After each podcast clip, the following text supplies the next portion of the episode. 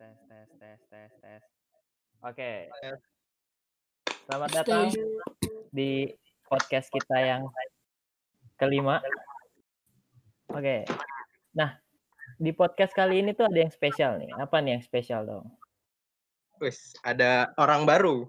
Uh, siapa itu? Siapa tuh orang barunya tuh? Kita kenalin dulu diri kita juga dong. Oh iya bener bener Iya. bener. Kita perkenalkan diri dulu. Eh kita cek mic dari gua Bayu. Gue Stephen. Saya Titus. Oke, saking excitednya gue sampai lupa memperkenalkan diri. Oke, sekarang kita perkenalkan nih bintang tamu kita yang susah banget buat diajakin. Enggak juga sih. Pokoknya eksklusif lah orang inilah. Ini eksklusif banget. Orangnya eh pinter, eh terliterasi. Nggak usah kenalan yang aneh-aneh, langsung nama aja, langsung aja Oke. nama aja. Nggak usah, Silakan perkenalkan dirinya. hai, saya Olivia. Cie. Oke. Suara pencitraan habis. Eh, Yo, Kalau kedengeran ya tahu, dari suaranya halus banget. sangat halus. Kalau dari suaranya sih Ya. kayaknya halus banget sih orangnya pasti. Pasti. Tapi nanti makin ke belakang makin gak halus. Jadi siap-siap aja gitu kan. Oke. Oke.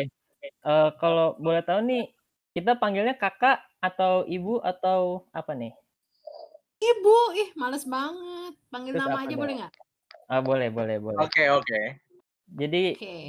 dipanggilnya siapa nih? Olive lah. Oke, Olive. Olive. Panggilannya Olive. Jadi Ribet buat kan lidah kalian?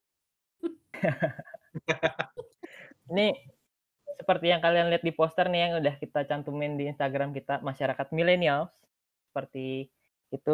Jadi kita akan ada gestar yaitu Olivia, Olive. Kita akan bahas apa nih? Maunya bahas apa? Gimana, Stai? Apa nih enaknya kita bahas nih? Ya dari kayak tadi di poster dan gestarnya emang kayaknya digeluti tergeluti. Wait, menggeluti di bidang itu gitu. Menggeluti di bidang- Dekolonialisme gitu. Bukan menggeluti, baru mau merambah. Berantem. Jangan jangan overclaim diriku Oh. dong. Oh, oke, oke. Kan gue yang nanti stres oke. kalau overclaim. Oh, jangan overclaim. Nah, itu ya, udah denger ya. Hmm. Hmm. Jadi kita bahas apa nih? Dekolonialisme Oke. kayak apa sih itu? Uh. Maksudnya itu kan kita juga ngerti sebenarnya kan. Iya, kita nih manusia awam nih eh Olive. Jadi gimana ya? Apa itu dekolonialisme? Dekolonialisme itu paradigma yang dibawa sebenarnya tentang uh, apa yang terjadi setelah masa eh, bukan setelah masa sih sebenarnya dia merombak paradigma yang berusaha merombak bagaimana pengaruh kolonialisme terhadap kehidupan uh, negara-negara bekas jajahan koloni. Uh, perombakannya sendiri pun juga sangat em, sangat kritis ya, dia sangat struk- eh, struktural yang sangat dasar. Jadi dari socio-histori konteks, dari budaya, dari ekonomi, dari pendidikan, dia membongkar itu sih sebenarnya kalau dekolonialisme. Jadi kayak membongkar bagaimana pengaruh kolonialisme itu terhadap negara-negara jajahan koloninya, bekas jajahan daerah jajahan koloni. Gitu, Oh. dekolonialisme.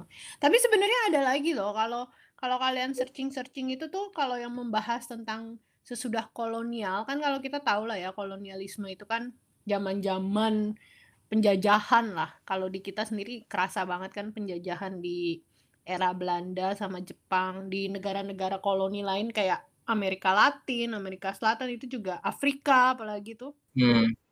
Hmm. juga pernah merasakan kolonialisme. Nah, eh, pembahasan tentang masa sesudah kolonialisme itu sebenarnya ada term lain selain dekolonialisme yaitu postkolonialisme gitu. Woi.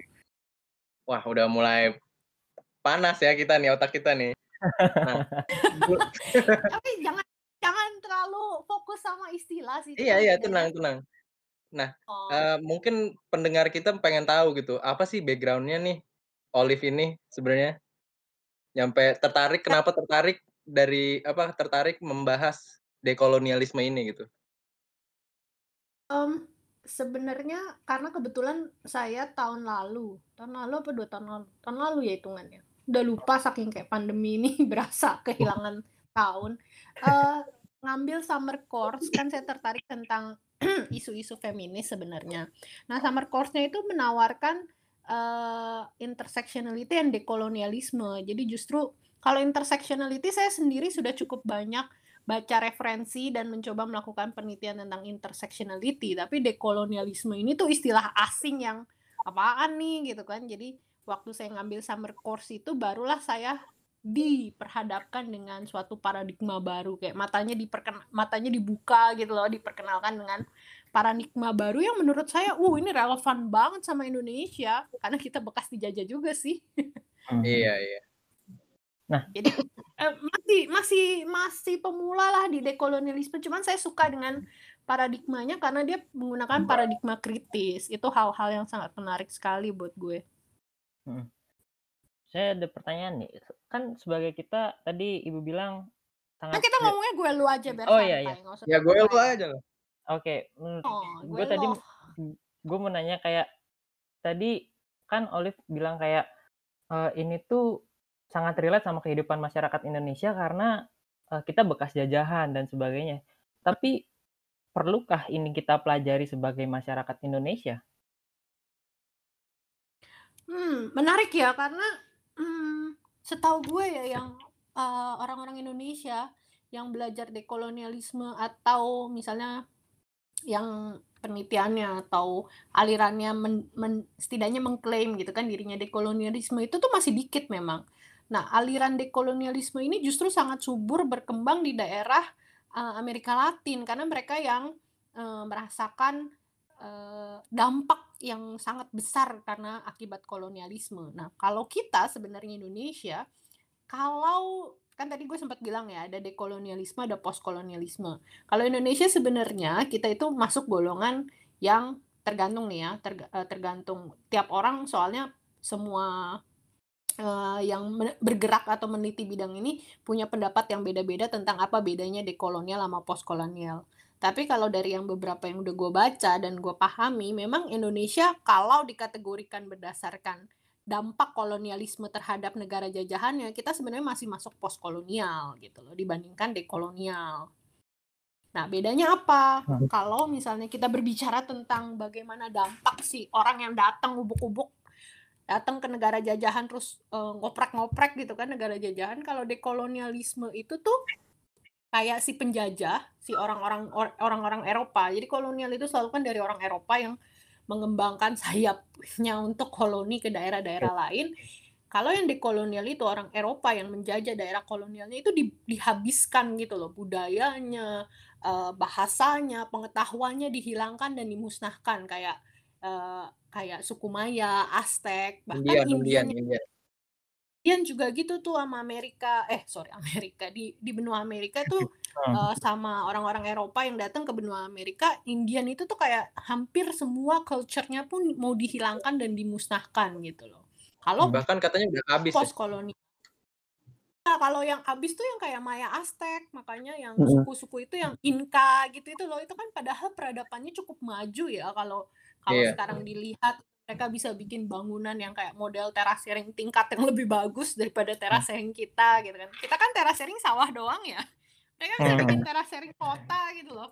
Nah, kalau yeah. post kolonial post kolonial itu lebih ke kayak negara-negara koloni yang datang ke daerah koloni itu tidak membumi hanguskan uh, peradaban daerah jajahannya, bahasanya, budayanya. Uh, memang mungkin karena di peradaban dan daerah jajahannya itu juga udah cukup lama dan cukup kuat sehingga nggak semudah itu ya. Nanti kita bisa berbicara kenapa Belanda sendiri tidak membumi hanguskan budaya Indonesia gitu. Mereka punya kepentingan sendiri gitu. Nah, kalau hmm. post kolonial hmm. mereka memang tidak menghapus semua, tidak mem, mem, mem, istilahnya membumi hanguskan kebudayaan, tapi mereka justru mereka juga bilang bahwa oh budaya lu tuh kayak nggak modern kayak uh, apa terbelakang gitu loh. Jadi mereka masuk tapi tetap bilang bahwa budaya yang modern, yang beradab, yang berpengetahuan adalah budaya koloni mereka, bukan budaya daerah koloni kita. Itu postkolonialisme. Nah, kalau berdasarkan dari uh, pergerakan konsepnya, si dekolonialisme memang lebih dalam tanda kutip lebih kritis dan lebih tajam karena di Amerika Latin karena mereka kan bekas jajahan Spanyol dan Portugal itu yang cukup Hmm. Membumi hanguskan kan. Iya. Nah, di situ Iya, iya. mereka mengkritiknya cukup dalam bagaimana peranan kolonial itu yang merusak dan menghancurkan. Kalau post koloni mereka cenderung kayak hmm, sampai hanya di beberapa tataran tapi tidak ke bawah karena post koloni itu biasanya dari eh, penelitinya biasanya banyak dari India eh, yang udah merge gitu loh budayanya ya kan budaya-budaya yang sudah merge dengan negara koloni jadi kalau negara-negara kolonial yang post kolonial itu masih bisa kebudayanya di merge kan kayak kalau India itu, itu kan dia nggak cuma bahasa India tapi juga bahasa Inggris Malaysia gitu-gitu Mhm. loh kalau di Hmm. kolonial nggak ada sekarang yang bisa bahasa Inka Maya Aztec nggak ada yang tahu Iya, kan iya. bahasanya hilang dihilangkan loh dari peradaban dunia sadis banget kan Iya, iya. Sadis banget. itu bedanya Tapi kayaknya tadi pertanyaannya belum tuh. Manfaatnya gila. Eh, belum kejawab ya. Iya. Eh, apa di Indonesia penting? Menurut saya sih lebih kayak kalau di Indonesia eh, kita kan selalu berpikir begini, yang berpengetahuan adalah dari Barat. Pepatah Hmm. mengatakan kejarlah ilmu sampai negara Barat. Ya nggak sih pepatahnya bilang gitu nggak sih? Negara Timur ya? Bu, begitu. Bu. Ke negeri Cina, Bu.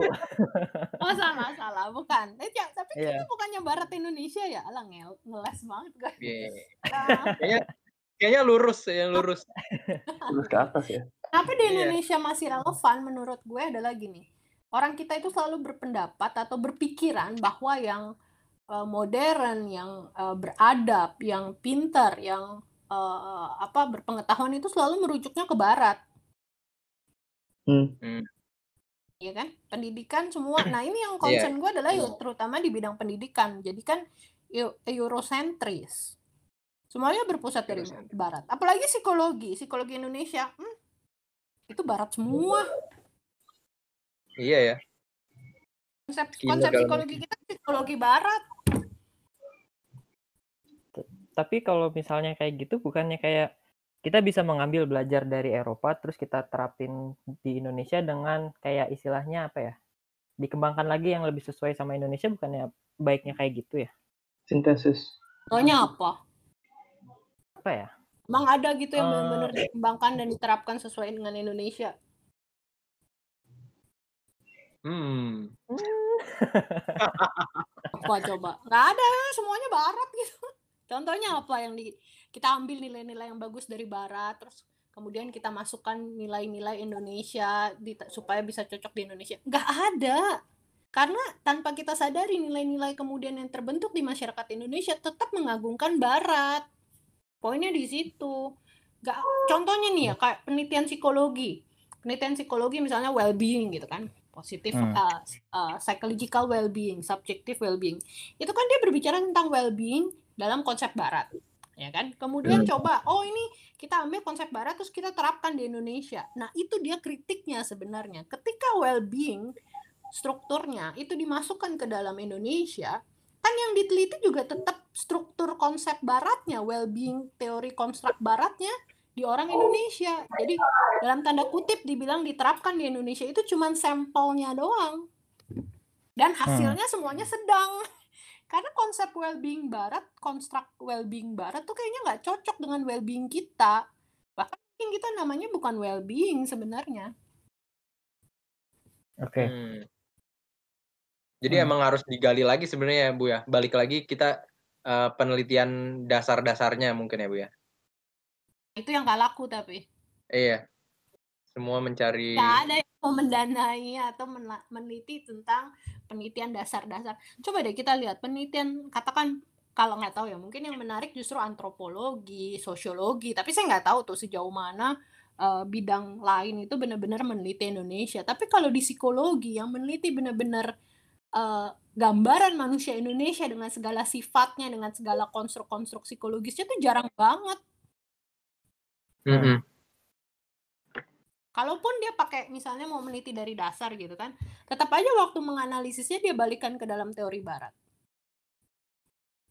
Iya Hmm. juga. diperbandingkan ya kan datanya nih kita mau meneliti tentang apa sih yang membuat orang Indonesia sejahtera gitu kan terus ketemu orang Indonesia sejahtera ketika misalnya ya hari ini tuh cukup cukup makan cukup bisa beli pulsa gitu kan terus waktu membahas gimana dibalikin oh bedanya dengan psychological well-being atau oh ini sejalan kayaknya dengan kontrak subjektif well-beingnya siapa gitu kan Hmm. Hmm. itu yang dibilang Eurocentris. Nah, itu yang eh, sangat dikritik oleh dekolonial. Oke. Tapi kalau yang Eurocentris itu sama kayak gini nggak sih Bu? Kayak misalnya dalam kondisi Apa jadi bu ya? Oh iya maaf maaf. Kayak Nah, misalnya kan?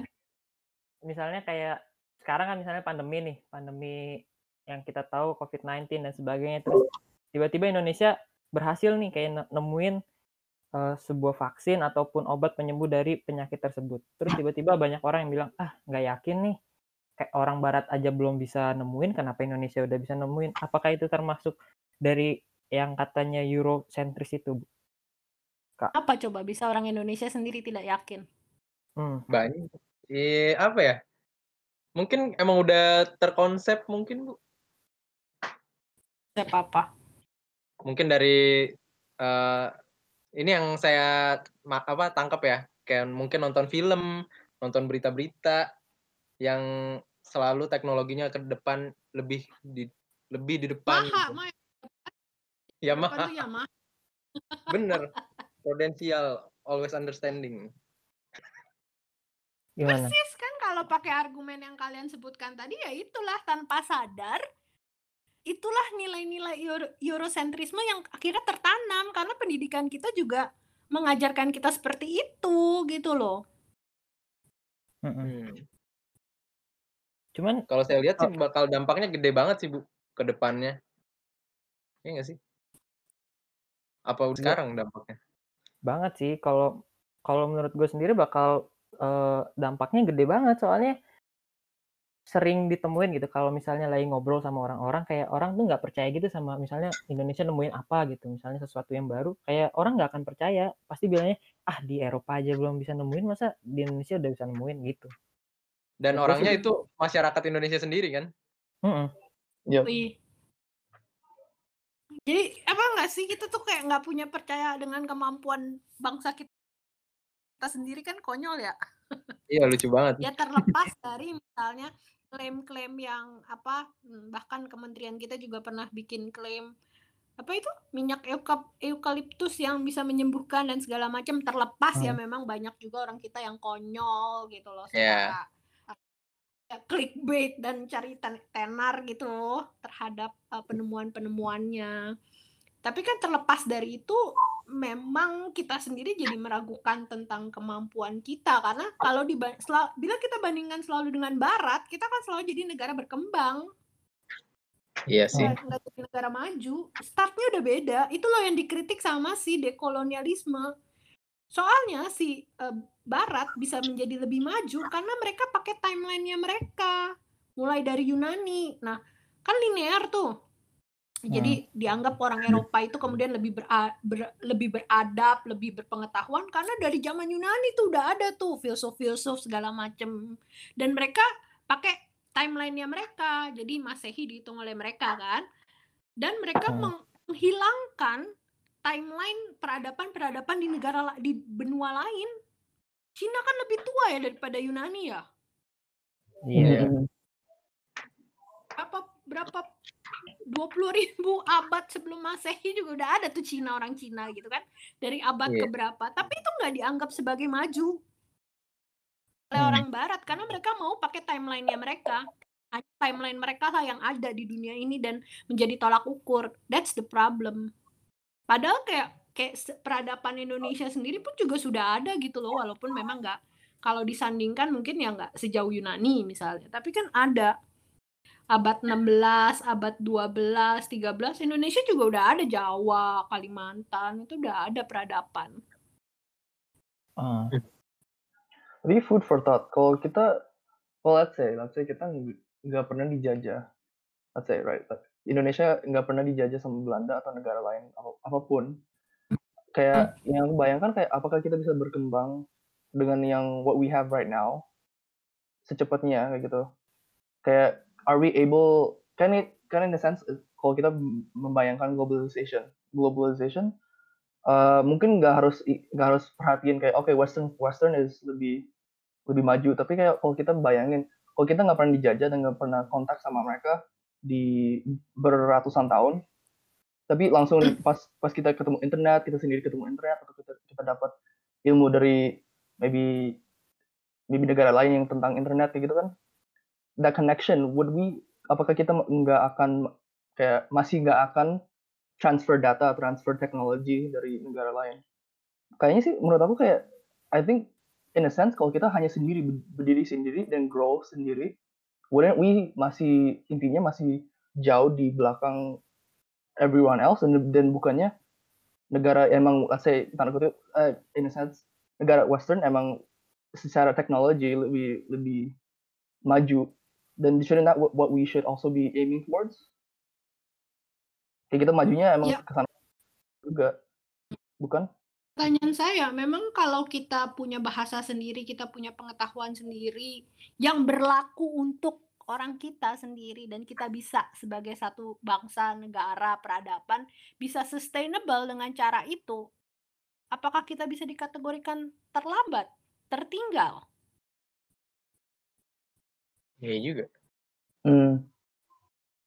Enggak juga kan? Kan kamu kan problemnya adalah ketika masuk era globalisasi terus bahasa kita misalnya pasti pakai bukan la- bukan abjad Latin gitu kan masih pakai uh, turus-turus bentuk-bentuk simbol gitu kan tapi kita bisa paham ya kan kita se- sesama penduduk kita paham kita bisa survive di situ kita bisa tetap uh, uh, hidup gitu kan tetap bisa bertukar informasi di situ terus apakah kita bisa dikategorikan tertinggal kenapa kita dikategorikan tertinggal Hmm. Iya juga. Hmm. bisa juga Hmm. Menarik, menarik. Karena kalau yang ya ini emang mungkin kayak emang kayak uh, Olivia bilang tentang uh, tanpa sadarnya kita kita langsung nyerap informasinya ini. Kayak kan kalau saya bayangin uh, tentang globalization bukan hanya globalization secara language tapi juga secara information, secara uh, expansion. Bukan hanya expansion di dunia tapi di earth, tapi expansion ke space dan segala hal. Kayak bukannya jadi jadi kita sebagai Indonesia juga terbelakangin karena karena Karena- advancements teknologi kayak gitu udah I know. Problemnya adalah orang Indonesia butuh ad- butuh ngapain gitu advance sampai keluar angkasa? Butuh nggak dalam Hmm. keseharian kita? Butuh nggak dalam Hmm. Iya. kehidupan kita sebagai bangsa dan negara untuk uh, mengeksplorasi dan mempersiapkan koloni berikutnya keluar angkasa. Nanti kalau ada alien-alien imut-imut kecil-kecil kita jajah, kalian tidak beradab gitu. Iya ya. Itu loh poinnya. Karena tanpa ada pola pikir yang seperti itu bahwa kita lebih maju dan ada kalau kita udah lebih maju berarti ada someone yang akan tertinggal. Iya kan? Iya. Dan Hmm. someone yang tinggal itu harus kita bantu, harus kita help supaya bisa semaju kita. Itu eurocentris.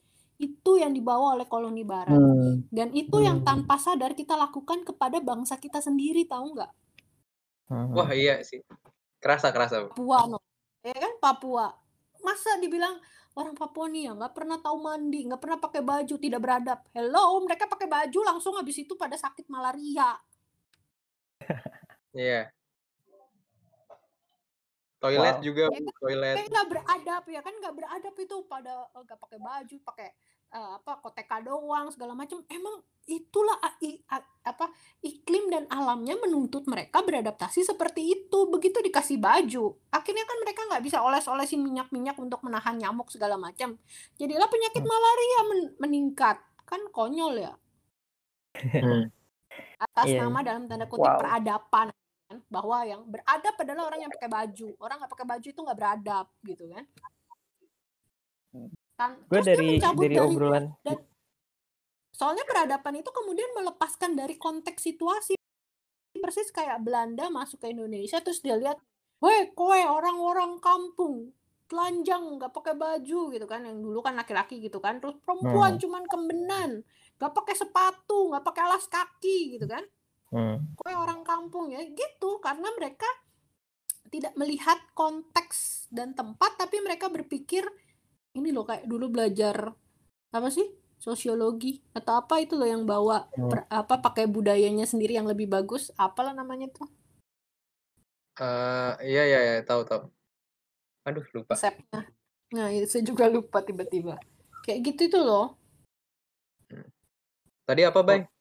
Kalau gue tuh dari Hmm. tadi nih obrolan kita panjang lebar gini, yang gue tuh langsung kepikiran satu ini loh, satu kartun Marvel yang si Black Panther kan punya punya satu wilayah sendiri gitu kan, Wakanda. Hmm. Hmm. hmm. Karena mereka tidak tidak mencampuri urusan di luar Wakanda dan mereka hanya bertumbuh dengan komunitasnya mereka lah itu Wakanda dengan negara-negaranya mereka. Apakah Hmm. kita maksudnya yang dilepas maksudnya ketika kita lepas dari Eurocentris itu apakah kita eh, dalam tanda kutip akan seperti Wakanda seperti itu? Ya sebenarnya yang mau dibawa oleh dekolonialisme juga kita nggak bisa langsung melepaskan diri dari peradaban gitu atau dari globalisasi karena ini kan udah terjadi. Problemnya adalah justru yang mau dibongkar oleh dekolonialisme adalah konstruk-konstruk dasar epitemo, eh, epistemologis metode tu- eh, untuk mencari tahu itu kan epite, eh, epi- epistemologinya ontologinya itu selalu pakai konstruk barat gitu loh Hmm. kalau pakai konstruk barat dengan konsep epistemologi dan ontologi, eh, epistemologi dan ontologi aja kan dari barat ya. Makanya itu loh. Hmm. eh eh, Kauru jiwanya Ki Ageng Suryo Mentaram itu nggak pernah dianggap sebagai filosof filosof eh, tidak bisa dijajarkan sebagai filsafat barat gitu kan sayang banget padahal itu memang nuansa nuansa hidupnya orang Jawa gitu loh yang bisa dibilang filsafat Indonesia ini yang susah sebenarnya dirumuskan Hmm. Hmm. epistemologi cara mengetahui cara meng- cara mengetahui metode mengetahui dan apa yang diketahui itu semua dikonstruk dari barat sedangkan Hmm. barat itu tuh nggak pernah eh, konstruk mengetahui apa yang diketahui cara mengetahui itu selalu terikat ruang dan waktu orang Jawa itu nggak peduli sama waktu gitu kan dia bisa ada di mana aja kan Hmm. Iya. filosof filosof Jawa eh, apa filosofi Jawa kan kayak gitu ya muter nggak ada kejelasan time and space berbeda gitu pandangan ruang dan waktunya. Itu tuh kayak nggak nggak masuk dengan konsep ruang dan waktunya Barat. Orang Barat itu ruang dan waktu harus terikat. Padahal misalnya kalau si Kuehano atau Mil, apa Milapno gitu di salah satu artikelnya bilang kebudayaan Aztec dan Inka itu nggak nggak waktu itu tidak dilekatkan pada ruang gitu loh Hmm. Kayak filsuf eh, apa Confucius Makin mind blown ya. Confucius dan eh, yang aliran filsafat Cina itu kan juga gitu toh inget nggak nonton nggak Kung Fu Panda yang si Sif- Sifunya yang kura-kura itu Ah, Iya iya. Master Ogway. cara ya si siapa lah itu namanya. Itu kan dia berbicara tentang konsep eh, kehidupan yang tidak selalu terikat ruang dan waktu.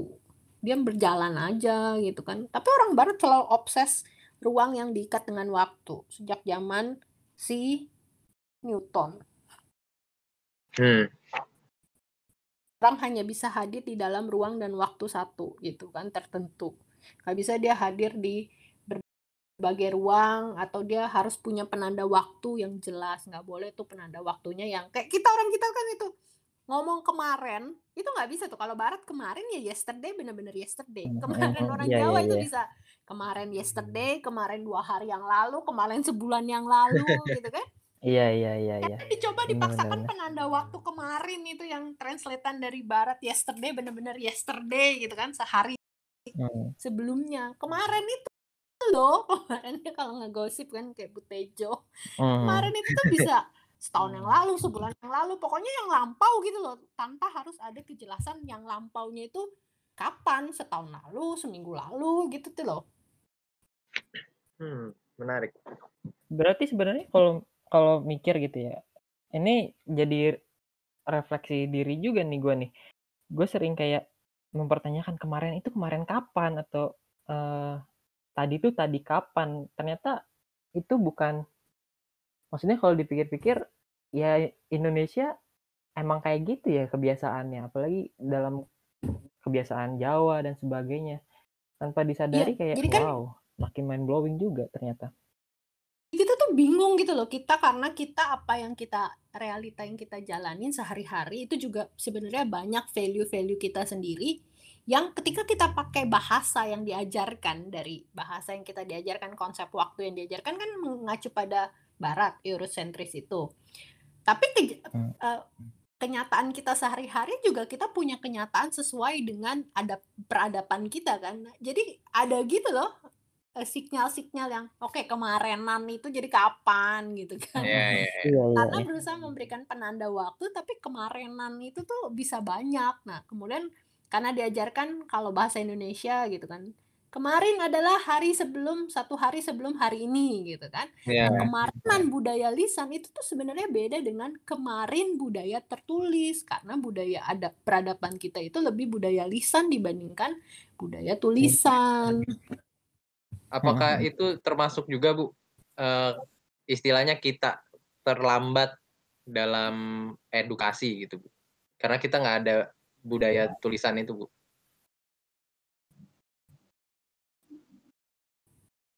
Kenapa kalau nggak ada Halo? budaya tulis jadi terlambat? Nggak tahu, karena kan kayak ada eh, kalau menurut saya nih, kalau menurut saya kayak nggak ada yang kita tahu. Akhirnya kita taunya cuman dari percakapan orang dan datanya juga eh, kan kita tahu kalau data itu harus ada bukti, ada akuntab akuntabel dan lain-lainnya gitu. Sedangkan perkataan ya nggak bisa terukur gitu. Ya akun tebal, data tertulis dan segala macam itu eurocentris guys. Dulu zaman dulu yang Iya namanya sih. accountable adalah ucapan dari orang yang dianggap sepuh apalagi kalau kamu hidup di desa-desa ya kan dulu abad keberapa gitu omongan yang sepuh-sepuh itu ya udah akuntabel misalnya si eyangmu bilang wah besok hujan beneran besok hujan lah kamu apa nggak takjub sama eyangmu Hmm. Uh, keren Hmm. kali. sebenarnya itu loh yang kemudian tercerabut jadi karena kita di swipe dalam tanda kutip kita di swipe kemudian diberikan suatu budaya baru eh, peradaban baru karena mengacu pada eurocentris jadi kita tuh antara realitas kehidupan kita sehari-hari dengan apa yang kita ketahui itu kadang-kadang jadi nggak nyambung gitu loh. Apa yang kita ketahui belum tentu kita jalanin. Ya kan? Iya iya iya. Udah tahu misalnya eh, kalau eh, melakukan sesu kita tahu gitu pengetahuannya kita tahu nggak boleh seperti ini nggak boleh seperti ini. Tapi kan kenyataannya kita menjalani hal yang berbeda karena kita punya keyakinan yang berbeda tentang realitas sehari-hari gitu loh. Benar-benar. masalah budaya lisan dan tulisan sebenarnya kita dulu punya budaya lisan yang sangat bagus ya. Eh, selalu akan ada eh, kumpul-kumpul di balai desa atau kalau misalnya lagi pulang kampung pasti eyang yang akan duduk bercerita nenek-nenek gitu kan. Terus eh, bahkan kalau sekarang penelitian antropologi barat ya si para kalau kalian baca buku tentang Indonesia yang kebanyakan ditulis oleh orang barat Hmm. mereka selalu wawancara adalah orang sepuh. Terutama kalau ke komunitas-komunitas budaya pasti mereka kan nyari sumber datanya tuh dari orang yang dituakan. Karena memang di situlah berusaha memahami mengapa satu komunitas melakukan ini punya keyakinan ini berperilaku seperti ini sumber datanya tuh dari yang sepuh. Nah itu yang Hmm. hilang karena kan kalau dulu budaya lisan itu kan diturunkan lewat lisan-lisan kan. Jadi eh, kita cerita terus nanti cerita ke anak cucu kita gitu kan. Oh saya Hmm. tahu nih dari dulu eh yang saya cerita kayak gini terus kamu cerita kepada cucumu. Nah itu kan budaya lisan yang terus diulang-ulang dan diturunkan cuman sejak kita berpendidikan dalam tanda kutip berpendidikan ala barat ya kan kalau nyari informasi bukannya buku ya kan Google ya udah budaya lisan yang sebagai sumber informasi menjadi semakin berkurang kamu Hmm. dengar omongan eyang ah nggak percaya cari di Google ah beda orang besok kata perakiran cuaca besok nggak hujan kok terus yang benar Hmm. eyangmu terus gimana coba karena kan Oke. karena orang-orang lama orang-orang lama orang-orang dulu itu hidup dengan mereka menghidupi alam belum ada teknologi belum ada ada lampu cuaca gitu. ada perakiran cuaca, tapi mereka tahu karena mereka mengamati, mereka mengobservasi ya kan, dan mereka mencatat itu dalam ingatan mereka. Jadi tahu nih tanda-tanda kalau mau hujan, waktu uh, bercocok tanam tuh kayak apa. Nah itu kan yang semakin hilang karena dalam tanda kutip kita berpendidikan. Oke. Hmm. Nah ini ini Enggak. jadi oh udah ya, ya udah ini ini jadiin pertanyaan saya sih bu. Uh, di ber di beberapa hari sebelum Bu. Eh, ya. Nggak bisa tepu Olive, olive, olive, olive. Iya. Ini ini jadi apa, renungan gue beberapa hari nih. Jadi gue beberapa hari ini mikirin kayak, "Oh kenapa ya, kalau misalkan semua orang beranggapan kerja tuh di kantor, kerja tuh harus di kota. Nah, Indonesia yang dalam tanda kutip ini sebagai negara agraris ini bakal hilang dong, kayak uh, bera apa, yang nanam padi. Siapa nanam padi? Ada Petani. Uh, kayak gitu-gitu. Apalagi yang nanam padi. Lu lu aja sampai lupa siapa yang nanam. Iya. Itu dampaknya sih ya. Petani sekarang juga mau anaknya sekolah bukan jadi petani. Itu loh yang muternya kayak gitu. No legacy. Orang kampung pasti mau anaknya sekolah aja no sekolah biar jadi ini yang menarik ya waktu saya waktu gue saya waktu gue apmas gitu di desa di Jogja gitu kan Uh, mereka banyak yang masih berkebun, terus bertani atau bikin kerajinan kan karena di desa Jogja itu kan banyak yang punya penghasil kerajinan gitu kan. Tapi hmm. jumlah para pemuda yang pemuda dan pemudi yang mengerjakan seperti orang tuanya itu semakin berkurang. Cita-cita mereka adalah dan maunya orang tua mereka adalah lu kerja di kota kerja di kota itu jadi apa buruh di pabrik men waduh itu udah hmm. bagi orang desa itu udah lu naik taraf hidup lu padahal lu cuma jadi buruh pabrik gitu loh. Keren keren. Hal orang-orang kaya-kaya di kota itu malah mau cari wisata alam. Malah kemudian malah cari di sebidang lahan mau bercocok tanam mau punya uh, makan dari hasil olahan tangannya sendiri. Dunia suka gitu ya. Karena ya itu hmm. kemarin saya ikut ini kan kemarin gue ikut kongres kebudayaan desa. Uh seru banget. Um, orang-orang desa beberapa juga sudah mulai merasakan sebenarnya bahwa ini loh cara berpikir yang bahwa kalau hidup di kota itu akan lebih sejahtera itu juga sebenarnya nggak bagus nggak pas. Karena ya nggak ada lagi yang bangun desa. Terus desa jadi apa? Jadi kota lagi kan desa. Desa kemudian jadi para wisata. Desa wisata gitu kan. Nah iya. um, saja memang ada beberapa hal yang perlu dicermati contohnya jelas semua orang nggak mau jadi petani karena sistem perekonomiannya itu masih belum bisa dibenahi contohnya dia nanam terus dia kasih ke tengkulak yang ngambil untung banyak tuh tengkulak mm -hmm. Nah, oh. bisnis yang kalau menurut saya kalau itu dibenahi mungkin kita bisa balik dulu, tapi kalau enggak ya selamanya orang nggak akan mau jadi petani.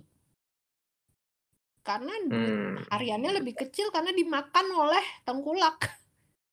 itu loh. Nah, itu yang Kongres Kebudayaan Desa justru mau beroperasi dari situ. Jadi kayak menghidupkan kembali koperasi desa gitu loh supaya mereka bisa cari langsung ke suppliernya di desa koperasi desa itu dan nggak ada lagi kan tengkulak itu pasti kalau mau dapat untung ini persis kayak Belanda dulu kalau mau dapat untung dia akan hanya deketin satu orang yang punya sebidang tanah yang lebih luas atau dia uh, apa yang tanahnya digarap oleh orang-orang suruhan gitu yang nyewa dia tuh cuma dapat dananya doang. Nah, itu yang akan didekatin tengkulak soalnya cost operasionalnya kan lebih sedikit. Hmm. Persis kayak Belanda, karena kalau dari sejarah dulu sebenarnya kita tuh sel selalu punya yang namanya gotong royong karena dari dulu desa-desa di Jawa, desa itu sebuah organisasi di mana lahan lahan-lahan yang dipunyai suatu desa itu adalah milik bersama, nggak ada kepemilikan pribadi. Semua hasilnya itu akan dipakai untuk kesejahteraan bersama. Sehingga orang-orang desa akan belajar bahwa kalau lu mau sustainable, kalau lu mau survive, ya lu harus saling bantu gitu loh. Hmm. Ya kan? Nah, jadi di situlah konsep yang kalau kita bilang kolektif gitu loh. Kita harus sama-sama menolong, saling menolong gitu kan, saling membantu karena lahan kita lahan ini lahan bersama kalau kita uh, sukses panen ya yang kita semua dapat gitu loh. Masuklah si Belanda yang dari sana budaya Eropa dan eosentrismenya itu mengenalnya konsep individu kepemilikan pribadi.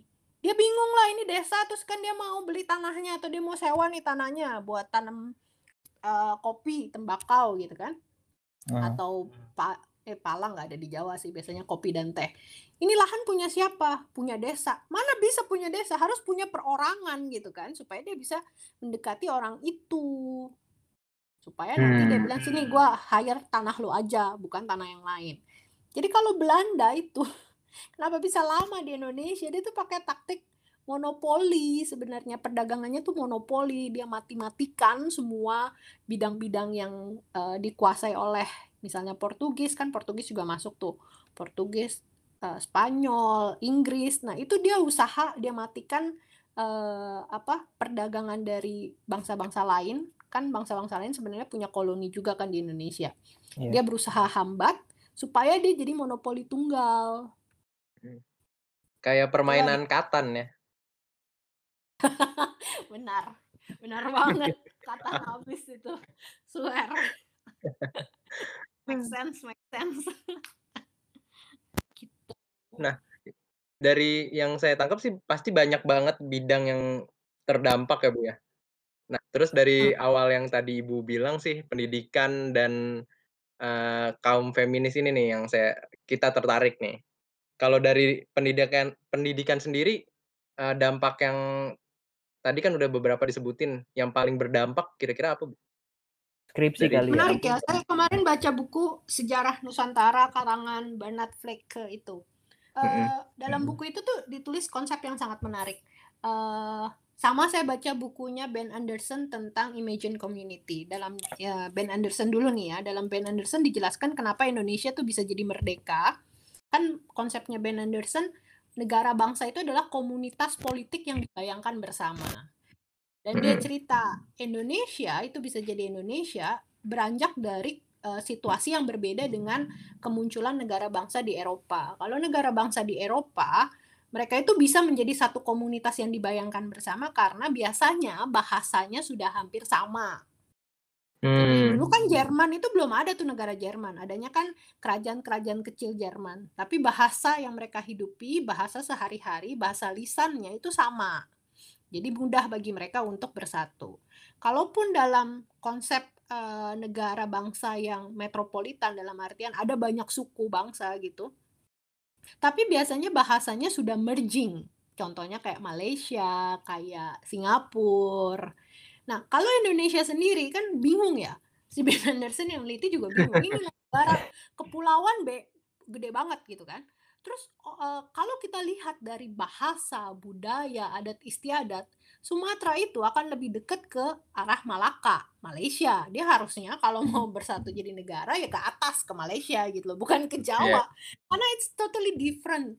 Bahasanya, budayanya orang Jawa kan bilang gila nih orang Batak marah gitu kan keras karena nadanya aja kan beda gitu kan yeah. tapi kok yeah. ya bisa Sumatera Kalimantan Sulawesi uh, kalau Papua another story ya.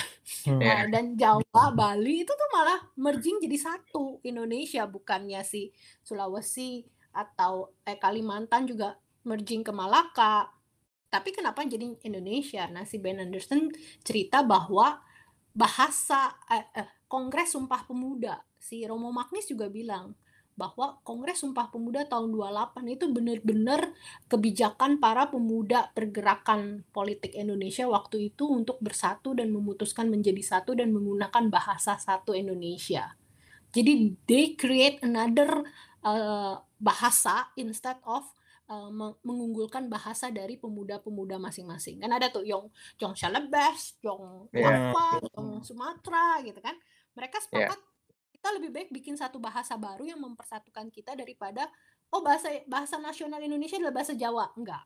Nah bagi Romo Magnis itu benar-benar para pemuda yang saat itu berkumpul di jadi Sumpah Pemuda adalah uh, mereka cukup bijaksana untuk melihat itu. Jadi komunitas yang dibayangkan bisa jadi merging karena utamanya bahasa.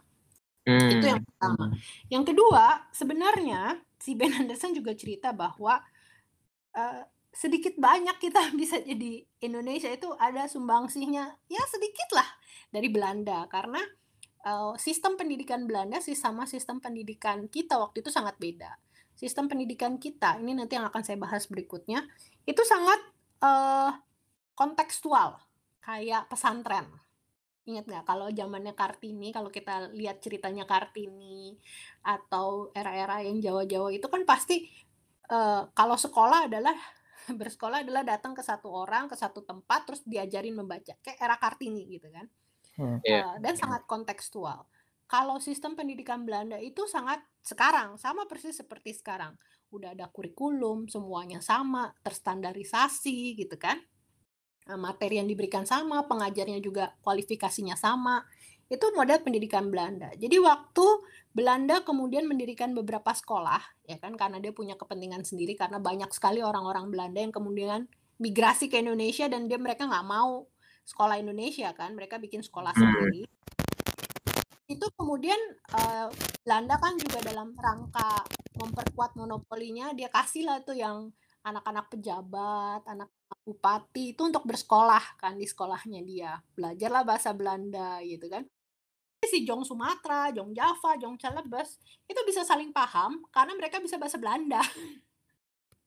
karena mereka Menahan. paham, mereka punya konsep yang sama dari Belanda. Eh, eh karena menggunakan bahasa Belanda itu. Eh, kemudian kan mereka punya idealisme cita-cita bahwa dulu sekolah Belanda itu tersebar di mana kan, di mana ada ada penduduk Belanda biasanya ada sekolah. Hingga Jong Jong Java, Jong Celebes, Jong Sumatera itu selalu punya uh, impian untuk ziarah studi kalau nggak ke Batavia ke Bandung. Karena di situlah yang ada sekolah tingginya. Dulu di daerah-daerah kecil-kecil pencil itu kan biasanya cuma sampai SD lah SMP hmm. gitu kan. Sisanya pendidikan tinggi ada di Stovia di Bandung eh di Batavia dan juga di Bandung. Jadi impian mereka adalah hijrah ke Batavia ke Bandung bahkan ke negeri Belanda sendiri untuk belajar.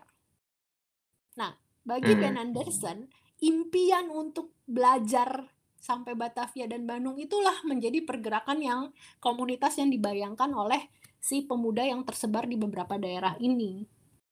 Itu satu. Oh. Jadi karena mereka punya cita-cita yang sama untuk uh, hijrah studi ke Batavia, ke Bandung, ke Belanda, mereka bisa bergabung. Jadi ngumpul-ngumpul tuh ngomongannya sama, omongannya mau mencapai cita-cita yang sama, ya kan? Udah hmm. gitu mereka sampai gitu kan udah dibelajar di Stovia, udah belajar di Bandung, udah belajar di Belanda. Mereka selalu dianggap sebagai inlander sama orang Belanda, ya kan? Ah, kowe mah tetap aja derajatnya lebih rendah. So, walaupun lu belajar di Belanda, lu nggak akan bisa sampai sederajat sama orang Belanda, gitu kan? Itu tambah keki ya para pemudanya kan. Makin kelihatan kan bahwa uh, dan waktu itu malah sebelum dua, tahun 1928 kan banyak sekali partai-partai politik mulai berhembus tuh ada aliran sosialis, aliran agama maksudnya pakai Islam dari Serikat Islam misalnya, aliran uh, nasionalis, aliran uh, bahkan aliran komunis yang uh, aliran Marxis juga ada. Tapi walaupun mereka saling bertentangan gitu loh tentang kita mau Indonesia yang alirannya Marx gitu kan, kita mau Indonesia yang alirannya pan Islam gitu kan. Hmm. Tapi ternyata walaupun mereka punya ideologi tentang dasar negara yang berbeda, mereka punya satu kesamaan.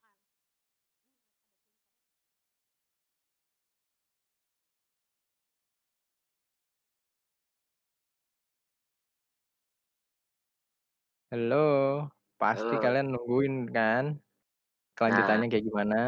Betul banget tuh. Kalau misalnya mau dengar kelanjutannya, boleh langsung ke part 2. Tapi sebelum langsung ke part 2, apa nih harus kita lakuin, Stay? Pertama follow dulu dong IG kita dong.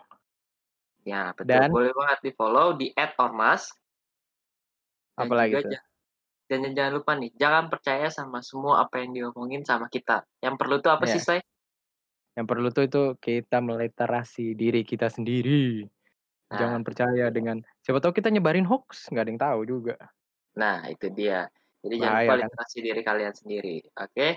Boleh lanjut ke part 2 sampai berjumpa di part 2. Bye bye. Bye.